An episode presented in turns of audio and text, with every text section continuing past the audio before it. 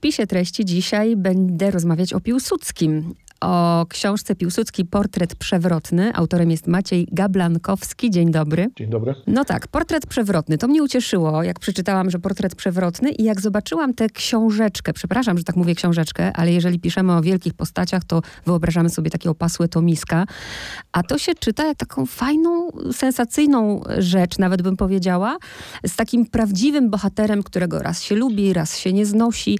Ta przewrotność polega na tym, że pan tego Piłsudskiego tak trochę tego piedestału, z, no, zniósł. Tak, trochę tak, a może przede wszystkim jednak y, na pewno jest tak, że chciałem się wyrwać z takiego rozmawiania o Piłsudskim albo bardzo dobrze, albo bardzo źle, ponieważ wydaje mi się, że tak jest najczęściej w Polsce, że, że po prostu ze, ze względu na zapatrywania polityczne, czy, czy, jakiegoś, czy jakąś koniunkturę, czy, czy może nasze własne poglądy, mamy tendencję do takich bardzo, albo bardzo surowej oceny, albo bardzo takiej hurra optymistycznej apologetycznej e, oceny Piłsudskiego, a tymczasem no, to był człowiek jednak z krwi i kości, który przeżywał niesamowite przygody na najrozmaitszych polach życiowych, od zawodowych przez miłosne po, po polityczne i wojskowe, więc y, wydaje mi się, że to, to należało oddać w jego biografii. Odniosę się też do tego, e, do tej książeczki. Przepraszam, jeśli to pana urodziło. Nie, bynajmniej. Właściwie to nawet nie cieszy ta, to określenie, bo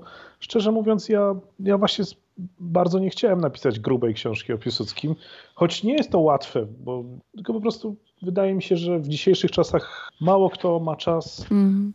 Czytać takie książki, a zależało mi jednak na tym, żeby to była książka, którą ktoś przeczyta. E, nawet taka osoba, która nie jest bardzo, bardzo mocno zainteresowana Piłsudskim, ale powiedzmy ma taki odruch, że chciałaby coś o nim wiedzieć więcej niż to, co jest w podręcznikach szkolnych. Dokładnie tak. I ja sama powiem, że gdyby to było pasłe to misko, to nie wiem, czy bym sięgnęła, mając tysiące innych książek i będąc w ciągłym stresie, że nie zdążę wszystkich przeczytać, sięgnęła akurat po książkę o Piłsudskim. Powiem panu, że zrobiłam nawet taki eksperyment i popytałam w swoim otoczeniu ludzi, ja nie mówię teraz o ludziach zainteresowanych historią, ludziach y, z jakiejś tam wysokiej półki zawodowej, tylko popytałam różnych ludzi, co wiedzą o Piłsudskim i to jest bardzo skąpa wiedza, a najgorsze jest to rzeczywiście, że ta wiedza jest, tak jak pan mówi, szkolna i są takie, nawet moja, moja siostrzenica, która tam ma 14 lat, używała już tych wielkich haseł, legendarny, prawda, polityk wielkiej klasy, a ja tego chcę dzisiaj uniknąć, nie dlatego, żeby zabierać y, to, że był politykiem wielkiej klasy, ale właśnie, żeby pokazać człowieka z krwi i kości. Zacznijmy od tego, w jakiej rodzinie się urodził. To była bardzo tradycyjna rodzina szlachecka, taka najbardziej szlachecka, jaką można sobie wyobrazić.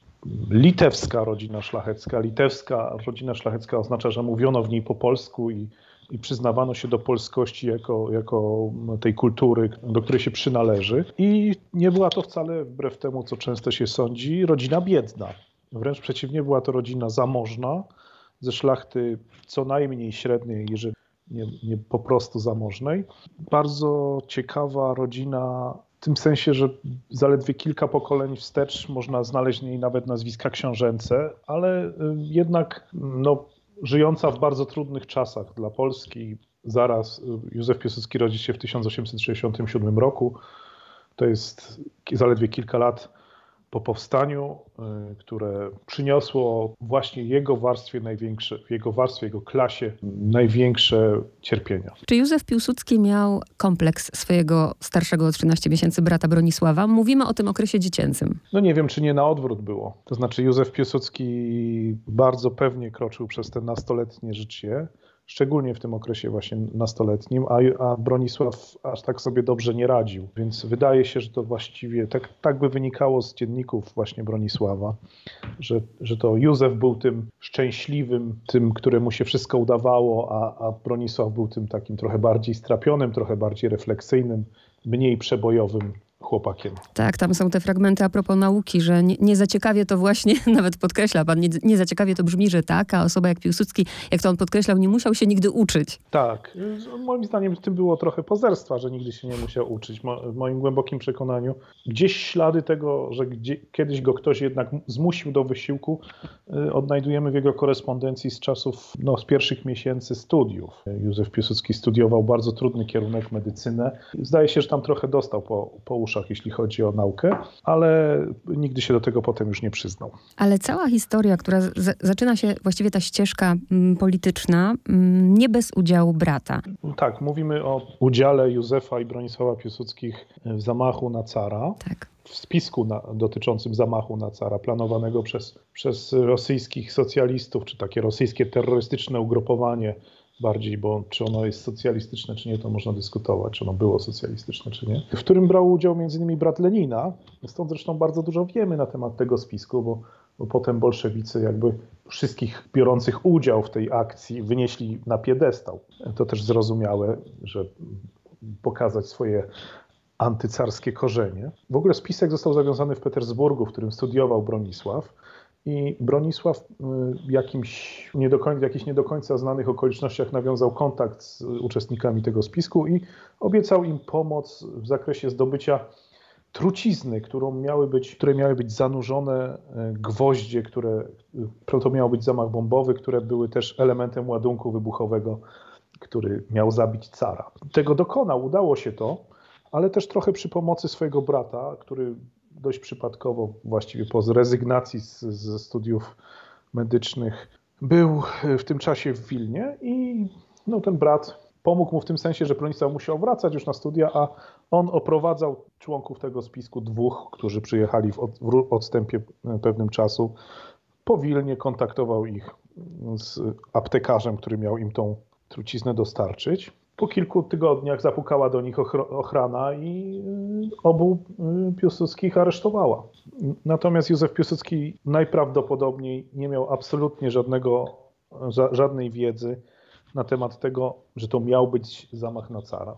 Natomiast nie ma najmniejszych wątpliwości, że wiedział, że to było coś nielegalnego. Tak, myślę, że to jest zawsze pytanie, które sobie stawiam, y, czy, czy są przypadki, czy nie ma, bo gdyby nie zesłanie i gdyby nie osoby, które tam spotyka, bo tam się radykalizuje i tam, tam się to zaczęło, prawda? To jest oczywiście pytanie, bo my nie do końca wiemy. Ja bym powiedział, że Józef Piłsudski stanął przed pewnym życiowym wyborem właśnie na zesłaniu. I co ciekawe, ten wybór zamanifestował się w, w romansach, to znaczy w dwóch romansach. Pierwszym, takim bardzo namiętnym i w sumie dobrze udokumentowanym e, spotkaniu z Leonardą Lewandowską. Jak nazywał ją w swoich listach e, Piłsudski, Leosia była jego pierwszą miłością. Była o kilka lat starsza od niego, ale to była chyba miłość, która miała trwać całe życie, przynajmniej w marzeniach jednego, jednej i drugiej strony. I właśnie w korespondencji z nią i w pewnych ruchach, które Piłsudski w tym czasie wykonuje, nagle się można dostrzec taki, taki prąd pewnej chęci stabilizacji, pragnienia zwykłego życia. On pisze na przykład do wuja, martwi się o majątek, coś co mu się potem właściwie nie zdarzało. Inna rzecz, że tego majątku już potem do martwienia się nie miał no takie jakby chęć pewnego takiego, takiej stabilizacji życiowej można w tym wyczytać, tak przynajmniej ja sądzę. No i druga to jest chyba szalenie mu imponująca rosyjska rewolucjonistka z krwi i kości, Lidia Łojko, która gdzieś tam potem wspominała tą, tę znajomość i gdzieś też wokół nich wspominano, że połączyła ich nie tylko rewolucja, takie, takie słowa padły opisujące ich związek i która no jakby ciągnęła go trochę w drugą stronę. Oczywiście na ile e, to jest tylko manifestacja jakichś jego głębszych przemyśleń i, no to to jest, to jest inna sprawa. Taką postacią, którą wielu historyków wskazuje jako postać, która może mogła być mentorem Piłsudskiego w tym czasie, to był Bronisław Szwarce, mhm. powstaniec, nie, nie tyle powstaniec, co rewolucjonista polski sprzed czasów powstania, który od bodajże roku 1862 był na Syberii ze Słańcem i który no, rzekomo miał Piłsudskiego właśnie do, do tej koncepcji rządu narodowego, która potem mu szalenie imponowała, przekonać. Nie jestem tak do końca pewny tego bardzo prostego związku. Mam trochę wrażenie, że Piłsudski wrócił jednak z Syberii jeszcze nieukształtowany i że dopiero późniejsze wydarzenia tak mocno go y, w stronę rewolucji, rewolucji i socjalizmu pchnęły. To bardzo dobrze, że pan wspomniał o tych kobietach, bo no, no nie da się, żebyśmy o całym życiu Piłsudskiego powiedzieli, ale kobiety, mnie to y, zaskoczyło. Wspomniał pan o Leonardzie Lewandowskiej, rzeczywiście to tak romantycznie brzmiało. Ja, ja wyobrażam sobie jeszcze tego Piłsudskiego bez tych dwóch przednich zębów, prawda, bo to też jest hmm. istotne. Ale no nie wiemy tego, czy ona tak naprawdę mm, zabiła się z tej miłości, tylko rozczarował mnie Piłsudski tym, jak on... Hmm, no to jest przedmiotowe potraktowanie kobiety. Ja już cię nie kocham, już kim innym się fascynuję i jeszcze w listach piszę e, do ciebie, niego, jestem niegodzien ciebie. Jak pan tutaj ocenia go, jego postawę jako po prostu mężczyznę? No, bardzo ciężkie, ciężkie pytanie. Rzeczywiście chyba Leonarda Lewandowska zakochała się w nim mocniej niż on w niej, tak jak się okazuje. Faktem jest, że no, to była jego pierwsza miłość taka poważna. No, nie, nie, każdy, nie każda miłość przetrwa też tak, taki bardzo trudny. To, nam to sobie jest trudno wyobrazić. No, dzisiaj, dzisiaj związki na odległość mają kłopoty, tak? A, a ten związek na odległość za pomocą listów raz, w tygod- raz na dwa tygodnie, raz na miesiąc jeszcze na, w odległości kilku tysięcy kilometrów, no to to było wyzwanie, może to było wyzwanie bardzo trudne. Trochę pan usprawiedliwia Piłsudskiego, bo ja tutaj chcę powiedzieć, y, bo to nie tylko Leonarda. Pan powiedział właśnie o tym, że on poszukiwał tej stabilizacji, a ja właśnie mam wrażenie, że na tym polu, polu z kobietami on w ogóle nie, nie wiedział, czym jest stabilizacja. Ile jest prawdy w tym? Bo nawet wczoraj, jak rozmawiałam z siostrzenicą, to ona to wiedziała, a ja mówię, słuchaj, to nie do końca jest prawda. Mianowicie, ile jest prawdy w tym, że on z Dmowskim się kłócił o Marię? To jest moim głębokim przekonaniu, to się by, być może gdzieś początkowo w, w trakcie ich znajomości w Wilnie taka sytuacja miała miejsce, ale według mnie tutaj się trochę daty nie zgadzają. To znaczy dość szybko Dmowski Dmowski musiał, Dmowski musiał to Wilno opuścić. Oni się poruszali w jednym kręgu towarzyskim, gdzie e, piękna pani, czyli Maria Piłsudska, pierwsza żona Józefa Piłsudskiego, była e, osobą znaczącą. Natomiast e, kwestia tego, czy Piłsudski odbił Marię Dmowskiemu, albo czy obaj byli konkurentami o, o, o, względy Marii i to Piłsudski wygrał, wydaje mi się być troszeczkę naciągana. Być może jest to odpowiedź na zapotrzebowanie, żeby Piłsudski pokonywał swoich konkurentów także w politycznych, także w sprawach alkowy, a trochę mniej kwestia no, rzeczywistej rywalizacji o względy kobiety. Obiecuję, że zakończę pastwienie nad Piłsudskim, ale żeby też dopowiedzieć, no, jak potraktował Marię. Tak, Józef Piłsudski Y, poznaje kilkanaście lat od siebie młodszą Aleksandrę Szczerbińską, będąc w związku z Marią Piłsudską, mniej więcej w roku 1907, y, ile dobrze pamiętam. I no, od tego momentu właściwie prowadzi podwójne życie. Co więcej, nie omieszkał o tym podwójnym życiu swojej żony poinformować, i to w sposób chyba dość obcesowy. Y, potem próbował się w różnych listach, które znamy, nie, nie znamy oczywiście całej korespondencji z tej deklaracji wycofać, trochę jakby to rozmywać, bagatelizować, gdy tymczasem związek z Aleksandrą, Piłsudską, Aleksandrą Szczerbińską, przepraszam, później Piłsudską, okazał się być e, jednak związkiem trwałym, mm-hmm. co bardzo raniło Marię Piłsudską. Jest taki niewysłany list, prawdopodobnie niewysłany list Marii Piłsudskiej do, do, do Józefa Piłsudskiego, w którym no, wylewa swoje żale i pokazuje bardzo tak dogłębnie swój ból ból, jaki jej sprawił mąż no, tym romansem. Tak, tutaj właśnie moja ocena, ale to wiadomo, że jako kobiety Piłsudskiego, jako mężczyznę, to dla mnie nie zdaje egzaminu i też myślę o, że nawet go staram się zrozumieć, bo to jest jakiś paradoks. Po tym, jak właśnie traktuje kobiety, y, aż dziwne, że to on przecież jako jeden z pierwszych, jako pierwszy o te, y, umożliwił kobietom walkę o ich prawa. To też jest kontrowersyjny pogląd, ale rzeczywiście w programie socjalistów od zawsze było powszechne głosowanie dla kobiet. E, I rzeczywiście kobiety w 1918 roku dostały w Polsce prawo głosu e, na równi z mężczyznami wreszcie, ale można powiedzieć, że nad tym się zakończyła jakby walka Piłsudskiego o prawa kobiet. To znaczy już później do tego nie wracał tematu, a było przecież do zrobienia wiele zarówno w kwestii kodeksu cywilnego, prawa, praw rozwodowych, kwestii prawa pracy. Na przykład proszę sobie wyobrazić, że w II Rzeczpospolitej obowiązywały przepisy, które nakazywały mężatce zwolnienie się z pracy, bo zajmuje jeżeli pracowała oczywiście w państwowych urzędach, zajmuje potencjalnie miejsce jakiejś pannie, tak?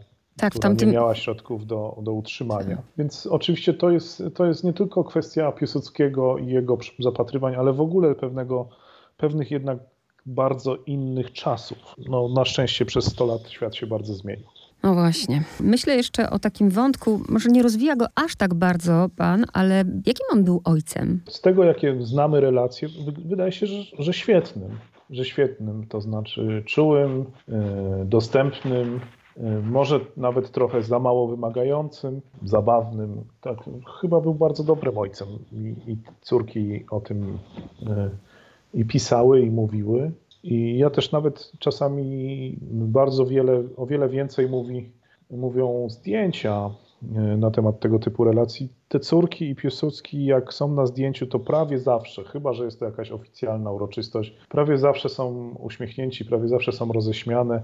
A nawet jeżeli są poważne, to, to, to widać, że spędzają ten czas wspólnie, wspólnie. Więc wydaje mi się, że, że jeżeli, jeżeli coś można mówić na temat ojcostwa Piłsudskiego, to bez wątpienia było to ojcostwo, no takie bym powiedział, też oczywiście w modelu patriarchalnym, to znaczy nie spodziewam się, żebyśmy kiedykolwiek dowiedzieli się, że Piłsudski komukolwiek zmienił pieluchę, ale, ale było to chyba ojcostwo troskliwe i kochające. Teraz myślę, no pora już przejść do poważniejszych tematów, y, ale z grubej rury no, to też są bardzo poważne tematy. No oczywiście, oczywiście, że tak.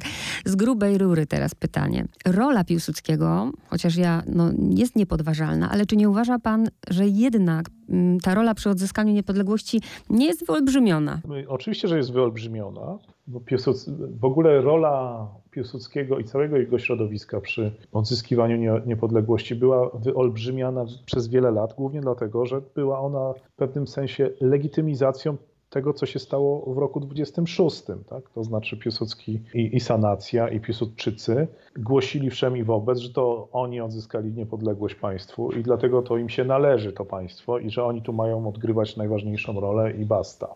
Więc jest wyolbrzymiana, co nie zmienia faktu, że Piłsudski sam swoją postacią i swoją charyzmą i też pozycją polityczną odegrał w niej rolę no, bardzo ważną i kluczową po prostu, bo to też trzeba powiedzieć. Można powiedzieć, że to właśnie on pozwolił Polsce uniknąć tych kłopotów w roku, w roku 18, które miała w tym samym czasie Ukraina. Mhm. To znaczy no, takiego wewnętrznego, bardzo łatwego do wyobrażenia podziału pomiędzy poszczególne ośrodki, które, wokół których krystalizowała się niepodległość, które były bardzo ze sobą skłócone, jeśli chodzi o zapatrywania polityczne i e, sami wiemy po roku 89, jak to było z tą Solidarnością, że, że szybko to jednak e, te różnice w ruchu niepodległościowym, czy różne zapatrywania na przyszłość Polski wzięły górę. Tak? I to było absolutnie do wyobrażenia w roku 18 w Polsce.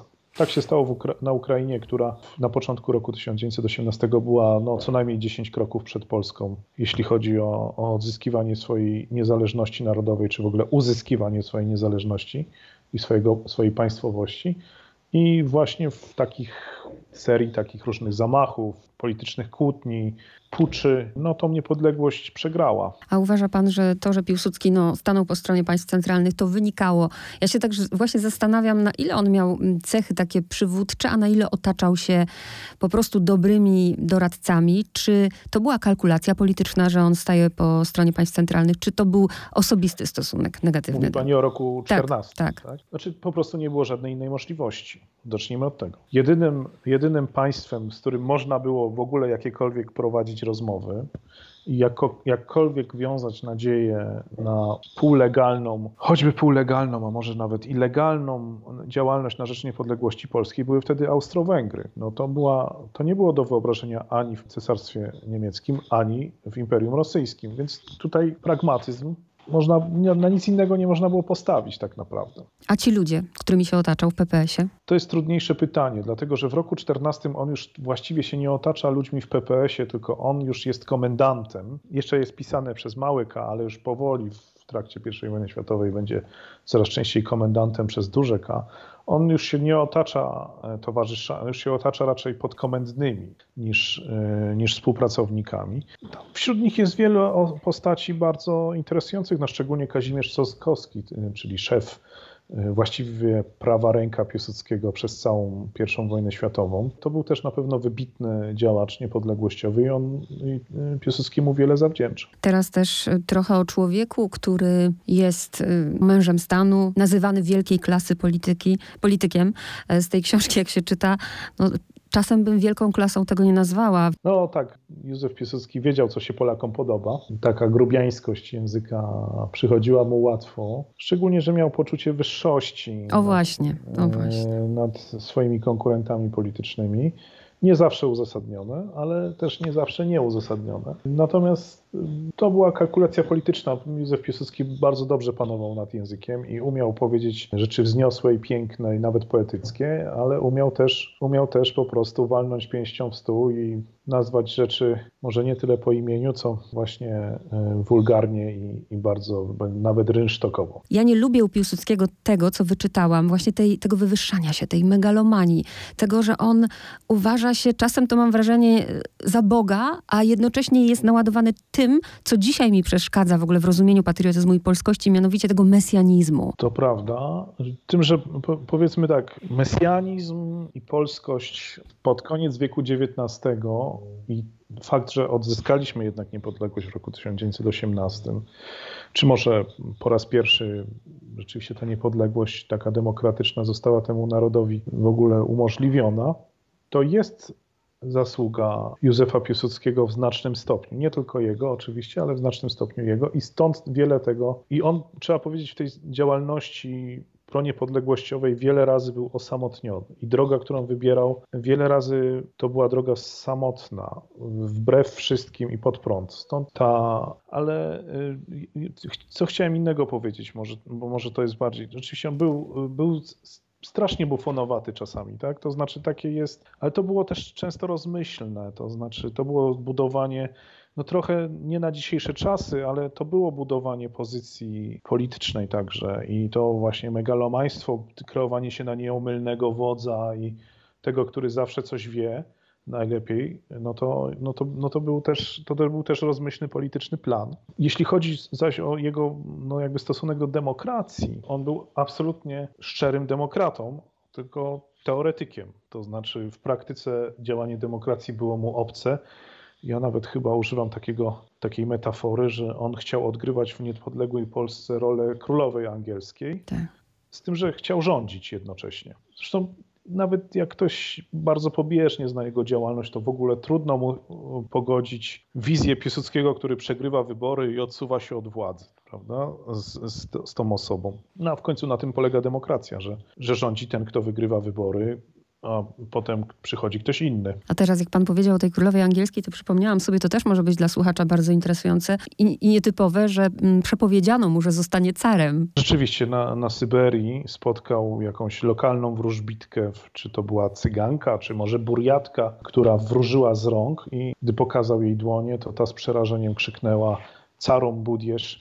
Carom to znaczy albo carem, albo, albo królem, bo mm -hmm w języku rosyjskim to, to słowo oznacza jedno i drugie. I on w to uwierzył. on, on w to uwierzył i szczerze mówiąc, prawie praktycznie rzecz biorąc, to mu się spełniło. Ja, ja, myślę też o tym, czy w ogóle Polacy, czy w ogóle historia, czy kiedykolwiek dojdzie do takiej sytuacji, że my popatrzymy jakoś tak e, na tego Piłsudskiego, bo w zależności od tego, jaką mamy władzę, jakie mamy lata, to albo wiadomo, za, za komunistów wielka e, krytyka, teraz wielka chwała. Czemu to nie jest można naturalne, no... dopóki y, można jakąś postać w y, polityczne kamasze ubrać. Niech pani zauważy, że teraz nie mamy dyskusji na przykład na temat, nie wiem, Zygmunta Starego czy Zygmunta Augusta Poniatowskiego, a były też takie dyskusje właśnie, nazwijmy to politycznie motywowane. W II Rzeczpospolitej ukazała się taka biografia Bolesława Chrobrego, który jakby no, umacnia to państwo i tak pokonuje wszystkich dookoła. I to był właśnie, to była taka metafora Piłsudskiego. No tak zawsze jest, że historia jest pewną, pewną pożywką dla polityków, Natomiast niestety muszę powiedzieć, że akurat w Polsce tego jest strasznie dużo. To, to jest chyba nasza tragedia. No po prostu natężenie historycznych przemian e, na metr kwadratowy w Polsce jest jakieś potwornie duże. Tak jakby tego Piłsudskiego wszyscy oceniali przez pryzmat tego, co, co robili Piłsudczycy, prawda? Jak, jak jego już nie było na świecie. Tak jakby to no było takie nierozerwalne. No bo to jest nierozerwalne. Powiedzmy sobie szczerze. To jest nierozerwalne. To on wyniósł tych ludzi do władzy, on im, on im tę władzę dał, oni rządzili w jego imieniu, nawet jeżeli on nie żył, to, to do, do niego się odwoływali i dzięki jego zasługom mieli no, możliwość rządzenia, bo tak, tak to trzeba nazwać, i kontynuowania jego dyktatorskich rządów. Więc to jest nierozerwalne. Natomiast trzeba powiedzieć, że bo niektórzy, niektórzy myślą, że gdyby nie Piłsudski rządził, a rządził, rządziłby ktoś inny w Polsce, to byłby to kraj mlekiem i miodem płynący, mówię o II Rzeczpospolitej, mhm. albo że gdyby Piłsudski przeżył do II wojny światowej, to, to nagle by ten los nas zupełnie, zupełnie inaczej wyglądał. Ja muszę powiedzieć, że jestem pesymistą w tej sprawie, to znaczy II Rzeczpospolita była krajem z potwornymi problemami, takimi, które dzisiaj trudno nam sobie wyobrazić i wydaje mi się, że to, większość tych problemów była nie do, nie do przezwyciężenia po prostu i że gdzieś po prostu ten kraj był trochę skazany na, jeżeli nie porażkę, to przynajmniej na jakąś wegetację. Dwa ostatnie pytania, które mi przychodzą do głowy. Pierwsze to takie, no bo Piłsudski no miał niechęć do zajmowania oficjalnych stanowisk i zastanawiałam się, czy ta niechęć do tej mm, patriokracji była spowodowana właśnie, że on no, był taki skromny, czy z drugiej strony właśnie miał ten lęk przed ponoszeniem odpowiedzialności, wiedział z czym to się wiąże? To znaczy, były takie stanowiska, które Józef Piłsudski chętnie przyjął, tak?